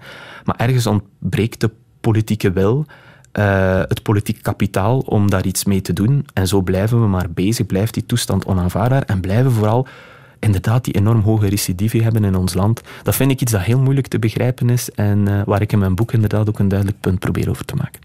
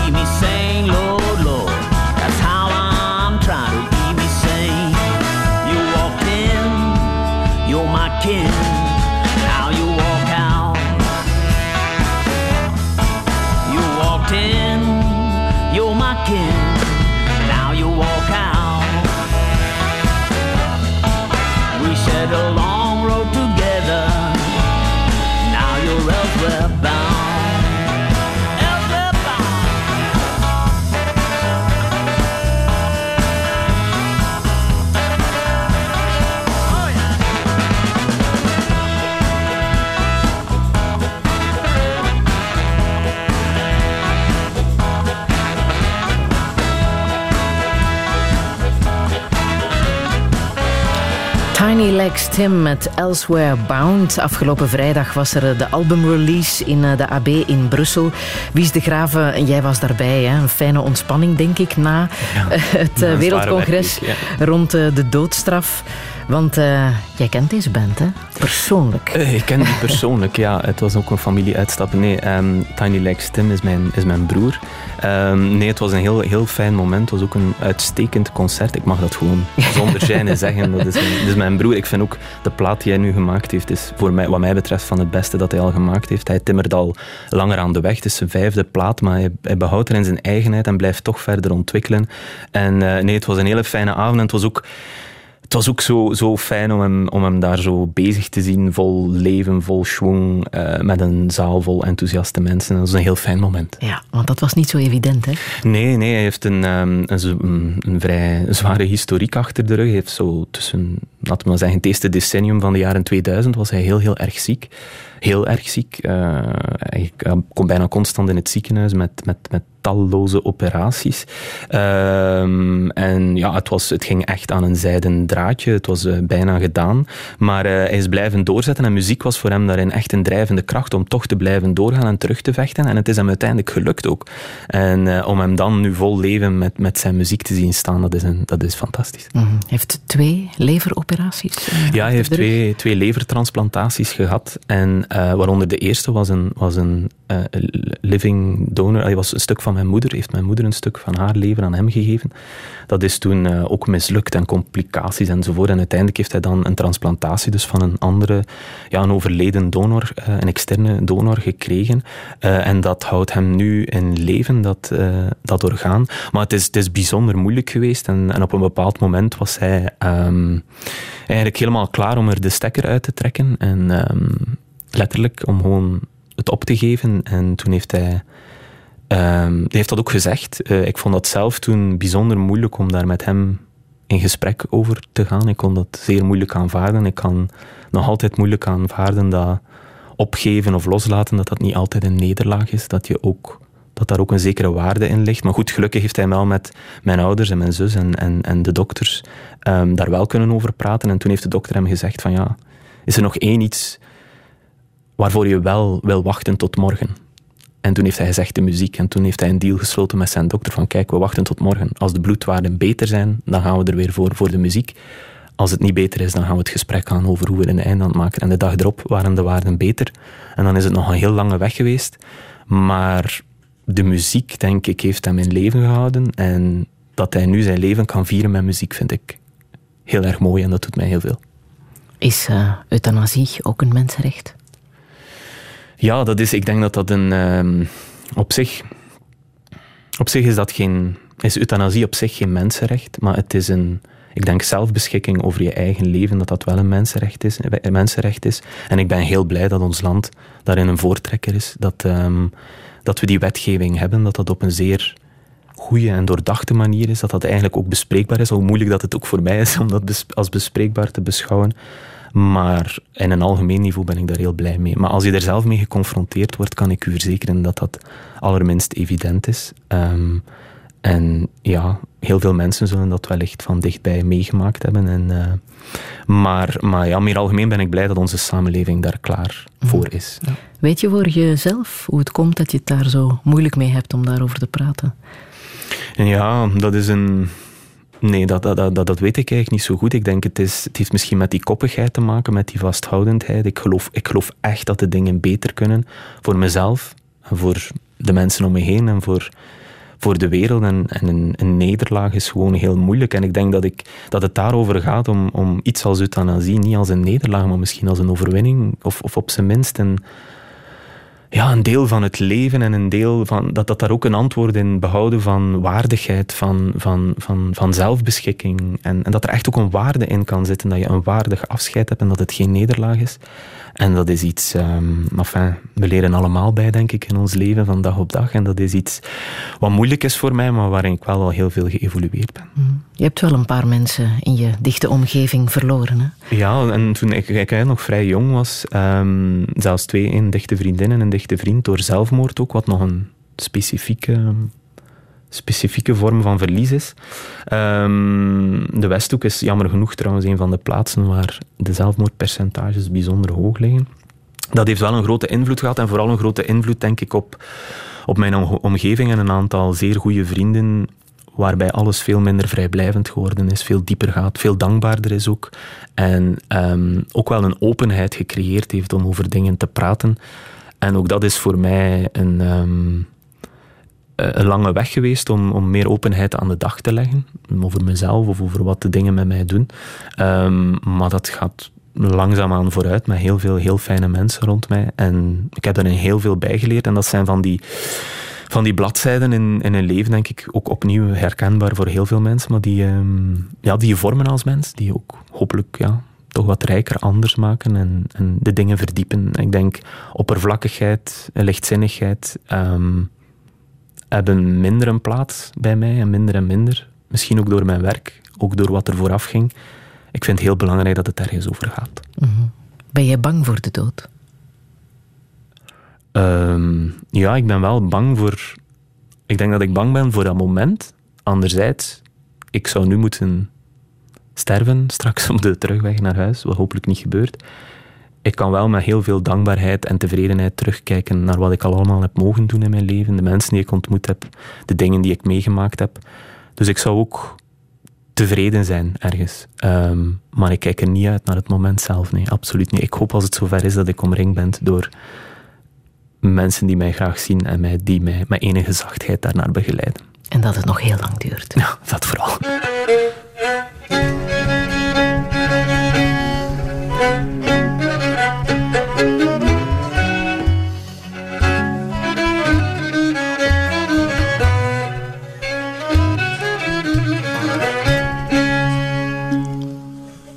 Φορούσες κόνη νεφαρό στα ύψη σηκωμένο κι ο καβαράρης με πολλούς μαύρος συντρό φιασμένο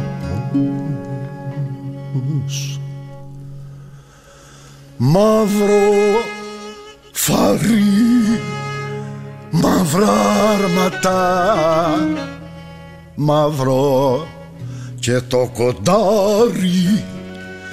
Μαυρίτανε κι φορεσά του νου του καβαλάρι. Αντριωμένος δυνατός και σταρματά τεχνίτης έγινε κι αναθράφηκε στο νησί της Κρήτης στη χώρα στην εξακουστή στην όμορφη χορτίνη όριζε κι αποφέντευε αυτό στην ώρα εκείνη Έλεγα του να παντρευτεί δεν ήθελε ποτέ του μα τη ζωή σαν μοναξάς Αγάπα γύρεσε του Περνώντας μια ανταχτερινή θωρή μια μπλουμισμένη μια αναγερό ζωγράφιστη ρόδο περιηγημένη τα χιλιτζή σαν ευερτζή τα μάτια τζι ζαβύρι. Το πρόσωπο τζιέ βιδέ ράμψε στο De Cretensische muzikant Psarantonis met um, Erotokritos. Wie is de Graven? Je hebt hem ooit aan het werk gezien? Ja, dat klopt. Ehm, Wat moeten we ons daarbij voorstellen? Ja, Psarandonis is een, is een legendarische muzikant van op Kreta. En eh, hij, zag er, hij, ziet eruit, of hij zag, sorry, hij zag eruit, hij is gestorven een paar jaar geleden. Maar zoals hij klinkt. Dus dat is een, eh, een woeste berggod met lange haren en een lange, lange baard die, die, die vol overgave in zijn muziek gaat. Uh, hij, hij hij heeft gewoond en gewerkt in Anoia, dat is een bergdorpje op Kreta. Um, ja, de meer woeste plekken van het eiland. En um, ja, het is misschien nog nooit, de nummer waarschijnlijk nog nooit gedraaid op de Belgische radio. Maar uh, het, het, het, brengt voor mij Kreta naar boven, wat een heel bijzondere plek is voor mij. Het is jouw tweede vaderland. Ja, zo kun je het wel noemen. Ja, ik, ben, ik, ben, ik kom daar eigenlijk jaarlijks. En um, ik ben daar ook op Erasmus geweest. Voor mij ligt dat ook in de lijn van, van ja, mijn klassieke studies natuurlijk. Eh, ik heb mijn thesis geschreven over Nikos Kazantzakis, de bekendste Griekse schrijver, onder andere van Zorba de Griek, maar van veel andere um, uh, boeken ook. En uh, ja, voor mij is dat een, een heel bijzondere plek. Hm, het is ook een plek van tegenstellingen. Ja, en voor mij is het een plek vooral waar tegenstellingen overstegen worden. En ik zie, ik zie daar heel veel tegenstellingen. Je hebt die woeste bergen van Kreta, je hebt de vlakke zee, je hebt het oosten, het Midden-Oosten dat daar hangt in die, in die cultuur, is ook lang door de Turken bezet geweest, maar anderzijds ook die westerse, meer Griekse um, uh, cultuur, uh, energie en rust en um, uh, natuurcultuur. Voor mij zitten, komen al die dingen daar samen en worden die ook overstegen. En ergens is er daar Um, Nikos Kazantzakis, die auteur, heeft daar eigenlijk een heel, een heel mooi beeld voor opgeroepen, die ook sterk met zijn filosofische visie samenhing.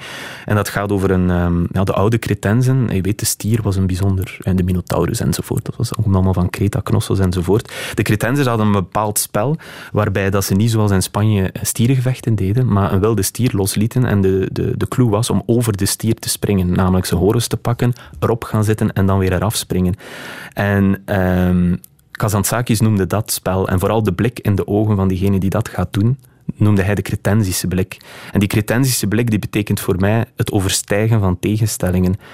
Het Apollo, het Westen, het verstand, de ratio, de zon, het licht, die zou de stier doden uit veiligheidsoverwegingen, hè, om, om het vervaar weg te werken. En het, het oosten, de mystiek, uh, Dionysos, de wijn, de roes, die zou misschien de stier doden om zich, en verlangen om zich te verenigen. Maar de cretensers die, die springen erover. En voor mij is dat de, de cretensische blik een heel goede manier om naar heel veel dingen in mijn leven te kijken. Heb je dus dat zelf ook bij de horens vatten ja, en erover springen.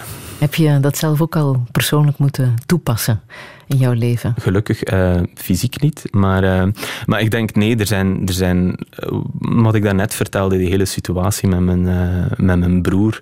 Um, ook de situatie, ik ben ehm, op dit moment een alleenstaande ouder, co-ouderschap, uh, een scheiding achter de rug, ook in dat in die fase van je leven is de kans dat je verpletterd wordt door zo'n stier, door zo'n toestand, um, zeer groot. Is de neiging groot om hem misschien te vermoorden met, uh, met geweld en tegenkracht. Maar eigenlijk komt het erop neer van hem in de ogen te kijken en erover te springen. En ik vind dat een heel fijn beeld die voor mij heel hard met Kreta verbonden is. En hoe heb jij die Horus vastgepakt om er te kunnen overspringen? Oh, dat blijft een, dat blijft een enorme... Ik ben ook nog niet zeker of ik erover gesprongen ben eigenlijk. Dus uh, misschien ben ik nog altijd aan het kijken hoe ik de horens ga vastpakken. Uh, maar de wil is er wel om dat um, te doen. Ik denk vooral terugkeren, en bijvoorbeeld in wandelingen, terugkeren naar jezelf en op zoek gaan naar die, naar die sterkte bij jezelf. En ik ben heel blij dat mijn jeugd en mijn thuissituatie heeft mij een enorm fundament gegeven om met dingen om te gaan, om terug te vallen op mezelf. En die sterkte, die kracht in jezelf te vinden. En bovendien niet te rouwig zijn om ook hulp in te roepen van mensen rond je. En te beseffen dat er een heel breed boeket aan menselijke relaties wacht met heel veel verschillende soorten liefde, genegenheid en verbondenheid die, kunnen, die jou ook kunnen helpen om over die stier te springen. Heb jij je laten begeleiden? Ja, ik heb dat, uh, ik heb dat vorig, uh, of ondertussen een dik jaar geleden, heb ik mij wel... Mijn eerste jaar bij, als directeur van Amnesty International, dat was een enorme... Dat was eigenlijk een kwantumsprong in mijn ook professioneel leven, maar ook persoonlijk. En uh, dat heeft alles van mij gevraagd. Ik ben er enorm ingevlogen. Ik heb daar alles voor gegeven. En dat was op langere termijn niet houdbaar. Dus dan heb ik mij wel laten coachen. En dat waren heel intense sessies, maar wel zeer behulpzaam om, om meer openheid aan de dag te leggen. Om de zaken ook eerlijker in de ogen te kijken. En ook wel om te doseren, om te begrijpen dat er een hele, dat er een hele waaier aan manieren is om met dingen om te gaan. Om je, om je daarin te gedragen. Dat je niet altijd een harnas moet aan hebben dat dichtgeklapt is. Dat je dat ook eens mag laten zakken. En dat je dan misschien wel een uithaal van een zwaard of zo krijgt, maar dat dat dan ook nog niet, nog niet zo erg is en dat je, dat je daarin heel veel kunt ehm, variëren. En nou, dat was heel behulpzaam voor mij. Ja. Je bent een groot lezer. Hè? Zijn er boeken geweest die jou daarin hebben geholpen? In de, ja, een van mijn favoriete boeken is effectief van, van Nikos Kazantzakis, een soort van autobiografie. Um, maar anders, ik, ik, jammer, ik heb vroeger heel superveel gelezen. Jammer genoeg, de laatste tijd lees ik veel non-fictie. Maar ik merk als ik uh, literatuur lees, nu de laatste was van, uh, van Dave Eggers bijvoorbeeld, uh, Helden van de Grens. In literatuur is dat altijd wat de Grieken een soort catharsis noemden. Je doorleeft situaties die misschien een echo bij jezelf oproepen, maar je doorleeft ze niet zelf, je doorleeft ze door die personages en dat helpt je vooruit om ook met hetgeen dat je echt meemaakt, om dat ja, daarmee om te gaan en je daardoor te sleuren. Ja. En dat boek wat je zo net noemde van uh, Nikos Kazantzakis, uh, wat heb je daaruit geleerd? Het gaat over uh, de verantwoording aan El, El Greco. Ja, en daarin, daarin beschrijft Kazantzakis eigenlijk net wat ik daarnet net, net vertelde over die, die zijn visie op, op het leven als een, als een stier die op je afstormt en waar je over moet springen. En het is, ah. het is een enorm passioneel, uh, zeer romantisch, met enig bombast geschreven werkstuk. Uh, zeer eclectisch ook, met Nietzsche erbij en dan oude Griekse filosofen enzovoort. Enfin, het, is een, het een soort melting pot. Het is geen uh, hoogstaande filosofie, maar het is zeer bevlogen en dat, dat heeft mij in dat boek zeer veel meegesleurd. Je leest boeken omdat je geen tv had hè, als kind. Ja, nee, ja, wij zijn thuis opgegroeid zonder tv. Um, en we hebben dus heel, heel veel gelezen. Ook, ook, het ouderlijk huis staat vol boeken. Ook mijn, in mijn huis zijn er heel veel boeken. Um, mijn, mijn ouders lezen nog altijd superveel. En waarschijnlijk meer dan ik zelfs nu. Um, ja, dat was deel, deel van, van onze jeugd, van onze opvoeding. En dat zaten gewoon allemaal samen met z'n vijven in de zetel en, en boeken lezen. De bibliotheek van West heeft uitgelezen. En dan van Poperingen. En, dan, en zo maar verder. Ik herinner mij trouwens de eerste, een van de eerste echte literaire boeken die ik gelezen heb, was um, De Verwondering van Hugo Claus. En dat heeft toen ook een heel oh. grote indruk op mij. Ik was nog veel te jong om dat te lezen eigenlijk, maar dat heeft wel heel veel indruk op mij gemaakt over wat literatuur kan doen, wat een uppercut een boek kan zijn. Um, dat was een, een van de eerste echte, echte boeken die mij diep geraakt hebben. Ja, het is niet meer evident hè, om kinderen aan het lezen te krijgen. Die van jou zijn nog jong, maar zijn ze al met boeken bezig? Uh, ze, zijn, uh, ze zijn met boeken bezig in de zin, ik, ik lees heel veel voor. Um, daar begint het? Daar begint het, eh, denk ik. En ze hebben ook mijn schrijfproces meegemaakt van mijn eigen boek, wat hen maatloos intrigeerde. Wat ze vonden dat uh, uiteraard te veel van mijn tijd innam, van, van de aandacht wegsleepte. Maar uh, dat heeft er ook toe geleid dat, dat, dat, mijn zoon zich ook aan het werk gezet heeft en zijn eerste boek geschreven heeft. Het is nog maar 15, lijn, het is maar 15 lijntjes lang, maar het is fantastisch. Het is een verhaal over een leeuw en een vos en een slang.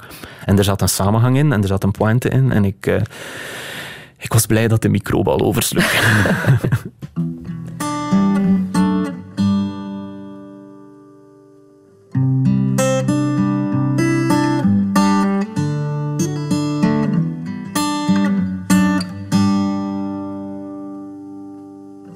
Tell me something, girl. Are you happy in this modern world?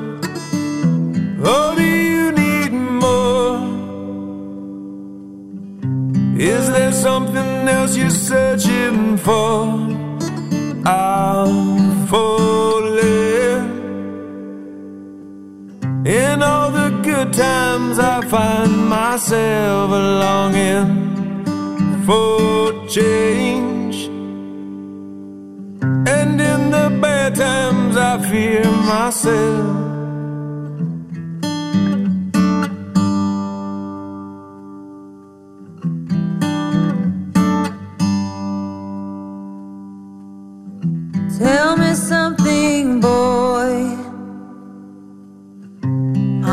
Tired trying to fill that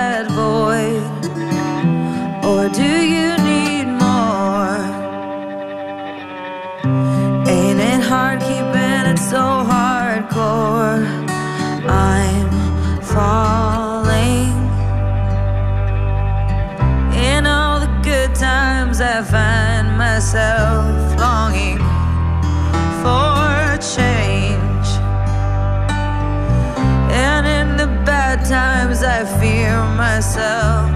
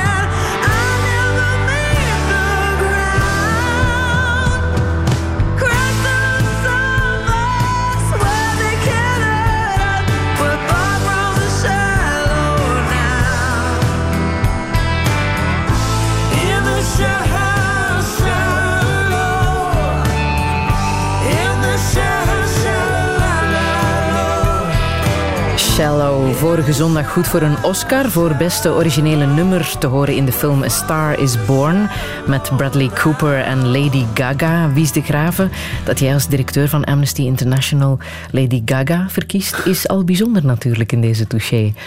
Ja, maar eh, ja, dat trek ik mij eigenlijk niet zo aan. Als ik iets goed vind, dan, dan, ja, nee, de- inderdaad, de aanleiding is... ehm dit is de laatste film die ik gezien heb, A Star is Born, en die is toch bij mij... eh, ja, dat, dit is blijven hangen wel, dat, dat verhaal, dat een eeuwig verhaal ook over eh, de, de, de, de oudere muzikanten, opkomende sterren, alles wat erbij komt en alle, alle vragen enzovoort. En ik vond de muziek ook geweldig en ik vind het nummer... Iedereen kan natuurlijk het zijn erin horen en, en, en interpreteren, maar ik vind het een heel, een heel krachtig nummer met een krachtige tekst die, ehm, die voor mij ook wel ehm, ergens een link legt naar een, iets wat ik rond mij heel hard zie. Die, die- altijd die behoefte aan, of die, die, het idee dat het gras altijd groener is ergens anders, dat er iets meer weggelegd is. Dat er, eh, dus in, in veel mensen van mijn generatie merk ik dat en die dan allerlei acties ondernemen om, daar, aan, om te proberen daar uit te breken. En dat hangt ook een beetje in dat nummer. En dan ja, dat we ver weg zijn, de shallow, het van het ondiepe. Dat vind ik ook een heel mooi beeld, namelijk dat nu is het voor echt, eh, nu zijn we aan het zwemmen in het diepe. Ja, jij bent 38, hè? Ja.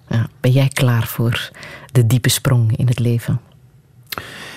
Ja, eh, ik denk dat je dat niet te kiezen hebt eigenlijk, eh, of ik klaar ben of niet. Ehm, maar ik moet zeggen dat dat, het besef dat dat zo is en dat je in het diepe aan het zwemmen bent, dat je met je eigen geschiedenis, met je eigen kleine geschiedenis en de grotere dingen in de wereld, dat je daar gewoon mee moet omgaan. Ergens geeft dat ook wel eens voor mij een soort, een soort rust en vrijheid, omdat je... De Grieken geloofden dat je op je veertigste, als man, op je, ak, op, op je acme was je, je, je hoogtepunt in je leven. Dus het hoogtepunt moet nog komen zelfs. Ja, terwijl als je nu kijkt, is het de prille jeugd hè, die aan het woord is met Youth for Climate Mhm. en eh Anuna de Wever en eh, Kira Gontwa. Ja, dat maakt mij, dat maakt mij eigenlijk heel blij, omdat ik, ik zei dat net al, ik, ben, ik was zelf ook zo'n jonge activist en ik ben heel blij dat dat nu aanslaat. Het is de eerste keer dat ik dat, dat, ik dat zo zie. Ik merk ook dat bij onze eigen Amnesty-jongeren, de jongeren die bij Amnesty International aan universiteiten en zo, dat dat echt een, een dynamiek losbrengt, dat die ook meegaan in die beweging. En ja, Amnesty is echt ook een activistische organisatie, wil dingen veranderen, wil, wil, wil machthebbers op hun veran- verantwoordelijkheid wijzen, speaking truth to power. En dat vind ik daar zo in terug en dat is prachtig om te zien. Anuna de Wever zei hier ook dat ze behalve Youth for Climate daarboven een grotere organisatie zou willen of een grotere beweging zou willen maken. Youth for Justice. Ehm, Ja, dat klinkt goed, hè? Het klinkt, het klinkt goed en ik ben, ben zeer blij, want ik heb inderdaad ik, dat, dat ook die reflex naar het mensenrechtenkader dat, dat, en naar het gerechtigheidskader, dat dat ook gemaakt wordt. Dat ze dat niet ergens in een heel afgebakend gebied zien. Eh, klimaatopwarming, dat dat een heel breed verhaal is van onze, waar onze samenleving en onze wereld naartoe gaat. En, eh, want ja, klimaatopwarming, uiteindelijk de planeet zal het wel overleven. Het gaat over de mensheid, of dat wij het gaan overleven en welk soort mondiale samenleving we dan willen. Eh, met zorg voor onze leefomgeving en met zorg voor elkaar in de vorm van gerechtigheid. En het is al heel mooi om te zien dat zij die samenhang zien. Het ligt in onze handen om eh, de wereld te veranderen. Ja, dat is echt iets waar ik heel hard in geloof, wat ik ook echt wil uitdragen als ik ga spreken over mijn werk, als ik, als ik mensen ontmoet. Het ligt in onze handen, we kunnen het ten, ten goede veranderen en er zijn hoopvolle signalen genoeg daarvoor, ondanks tegenslagen, ondanks de storm eh, buiten. Dat, dat komt goed en dat ligt in onze eigen handen. Het is mensenwerk. Ik heb nog eh, Mahalia Jackson met We Shall Overcome en met die eh, bewuste woorden van eh, Martin Luther King. Past ook bij jou, hè, Wies de Graven? Ja, ja, we shall overcome. We shall overcome. Deep in my heart, I do believe we shall overcome. Though I join hands so often with students and others behind jail bars singing it, we shall overcome. We shall Once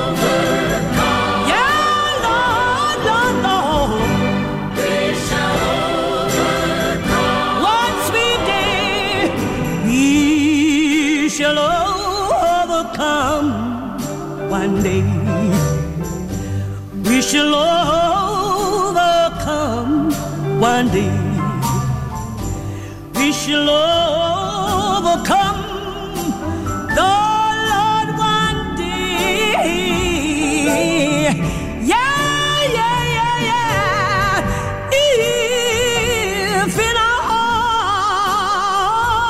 heart we do believe we shall overcome, Lord, one day. Mm. We shall all have peace one day. We shall all.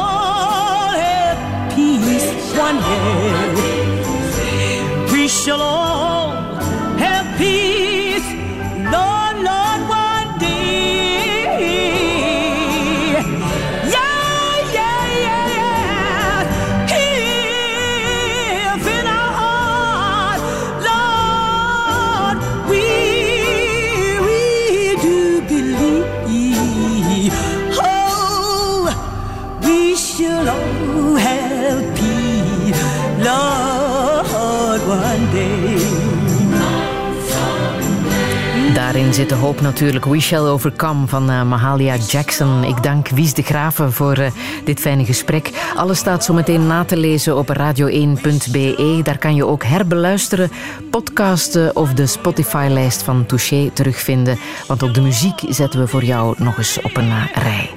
Volgende week verwacht ik hier darmspecialist Luc Colmont. Een heel fijne zondag nog. Radio 1.